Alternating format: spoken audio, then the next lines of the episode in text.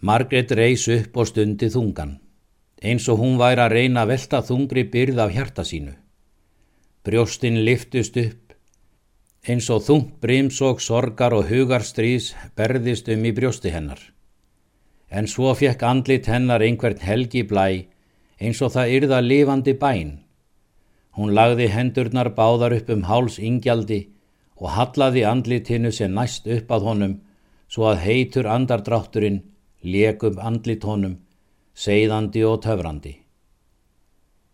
En einu verðurðu að lofa mér, sagði hún svo innilega sem hún gatt, við nafn Guðs og hinnar heilugu Guðsmóður. Sverja mér það og leggja við drengskap þinn, að bera ekki vopn á bróður þinn. En ef hann ber vopn á mig, svaraði ingjaldur látt og var þungt niðri fyrir.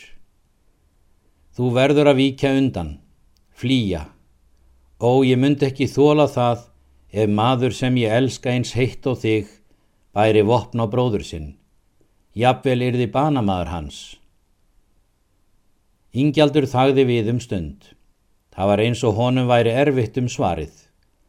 Loksins leitt Margrét framann í hann með svo spyrjandi og æstu augnaráði að hann svaraði. Ég skal lofa þér því að bera ekki vopn á hann.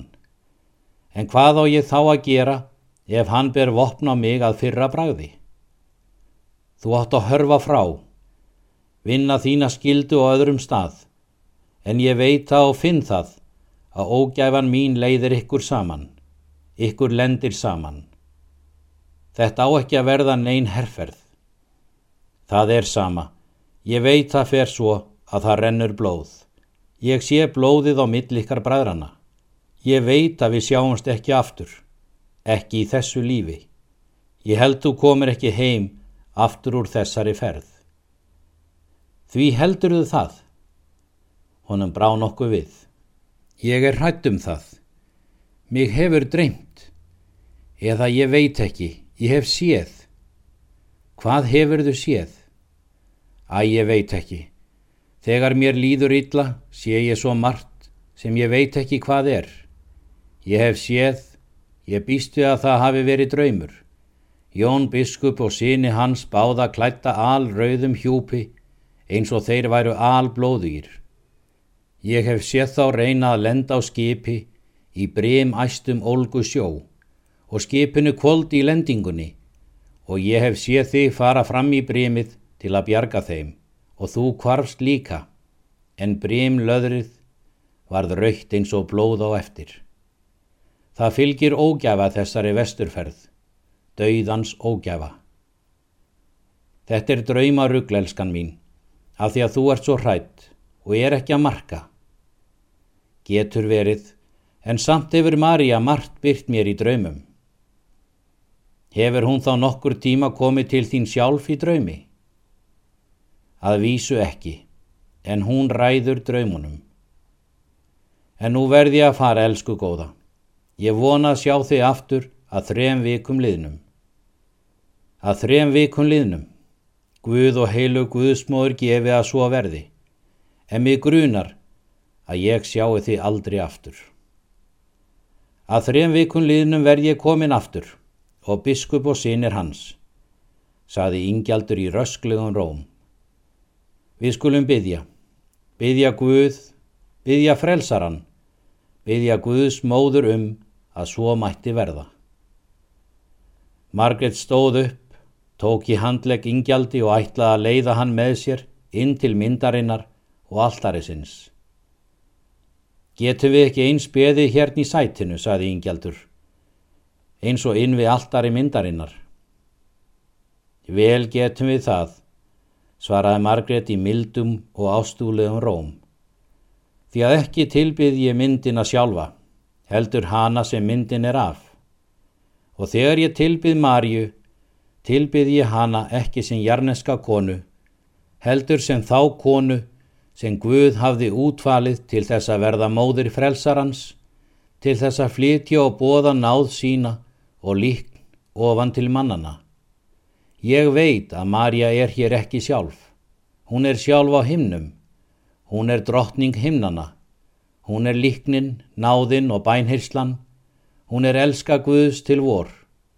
Hún er það sem huggar mig þegar ég ætla örmagnast af sorg. Hjálpar mér þegar ég á eitthvað bátt. Lífgar mig þegar mér finnst ég ætla að deyja. En við getum beðið hana hérna fyrir það. Nei, einmitt við myndina verðum við að byðja hana. Hvers vegna þá? Vegna þess að myndin er ímynd Marju. Hún bendir mínum líkamlegu augum á það hvað hún er og til hvers hún er.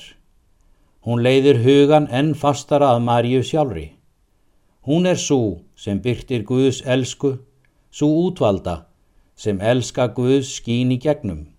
Hér sé ég hana. Hún hefur sjálf helga þessa mynd, gefið henni líf af sínu lífi, kraft af sínum krafti Með öðrum orðum, andi Marju er yfir henni. Þess vegna getur hún gert kraftaverk. Þess vegna flytur hún okkur heilaga krafta af himnum. Þess vegna er alltari fyrir framann hana. Þess vegna er bæna skemitt fyrir framann hana til þess að við getum verið sem næst henni og náð sem best í þann kraft elskunar sem út frá henni streymir. En ekki sæmir veikri og syndur í mannesku að kom í nánt hins heilaga nema kníefallandi. Þess vegna verðum við að falla fram byggjandi við alltari myndarinnar, byggja og horfa upp til hennar, hennar sem myndin táknar, upp til hennar sem Guð elskar og barnsins hennar, Jésu Krist. Og um leið horfum við til þeirra þar sem þau er á himnum. Þess vegna verðum við að falla fram við myndina og byggja þar en ekki hér. Íngjaldur leit upp til myndarinnar og síðan á Margretu og sagði blíðlega. Þú segir satt. Við skulum koma og falla fram og byggja. Og svo gengu þau inn að alltarinu og fjallu fram á bænaskemilinn. Það var nokkur léttir að bæninni. Að vísu fann Íngjaldur ekki til fulls, hvort bæn hans var heyrð eða ekki. Hann starði á myndina en það var enga breytingu á henni að sjá. Hún stóð þar köld og döpur og þurr eins og stitta. En samt fannst honum bænin smjúa eitthvað hátt, eitthvað herr en þetta vanalega, til lífsvonarinnar, til bænhirslunar. Að vísu fann hann ekki að hún vermdi hjartað, en hún styrti það. Honu fannst einhver hönd snerta sig, einhver rödd tala til sín, en úr svo miklum fjarska að hann heyrði engin orðaskil, ekkert hvað röddin átti við. En eitthvað var gott og mjúkt í henni sem hugreisti hann. Margrét spenti greipar, lagði olbúana fram á alltarið og starði á myndina. Varir hennar bærðust aðeins en engin orð voru heyranleg, en svo liftust auga hennar smátt og smátt enn hæra. Það var eins og hún horði inn í einhvern annan heim sem hún einn gæti séð en aðrir eigi. Það kom eins og einhver undra blær yfir augu hennar eins og hún fjalli í leiðslu eða algleiming. Svo lág hún um stund og bað. Svo var eins og leiðstan hirfi. Hún stóð upp og tók fyrir hjartað. Svo snýr hún sér að yngjald og sagði Marja hefur bent mér en ekki veit ég hvort hún ættar að bænheyra mig. Ó, ég skal byggja hann að þanga til hún gerir það. Svo gekk hún að myndinni, steig upp á bænaskemilinn og seldist þaðan upp til handarinnar á myndinni og tók þaðan mjóa silfurfesti með lítilli mynda Guðs lampi við, gildri. Það var dánargjöf móður hennar. Hún gekk fram tvö, þrjú spór kisti lampið, gekkað ingjaldi og mælti. Þetta er það helgasta og besta sem ég á. Þetta er dánargjöf móður minnar sálugu. Það er hjarta mitt, mín sjálfrar. Hún bað mig að skilja það aldrei við mig. Nú hef ég beðið Marju um að helga það eins og verndargrip og legg það nú um háls þér. Og um leið rétti hún festina upp yfir höfuð honum og smokkaði henni inn á hálsin. Guðs lambið let hún fara nýður með hálsinum að framann ofan á bringuna.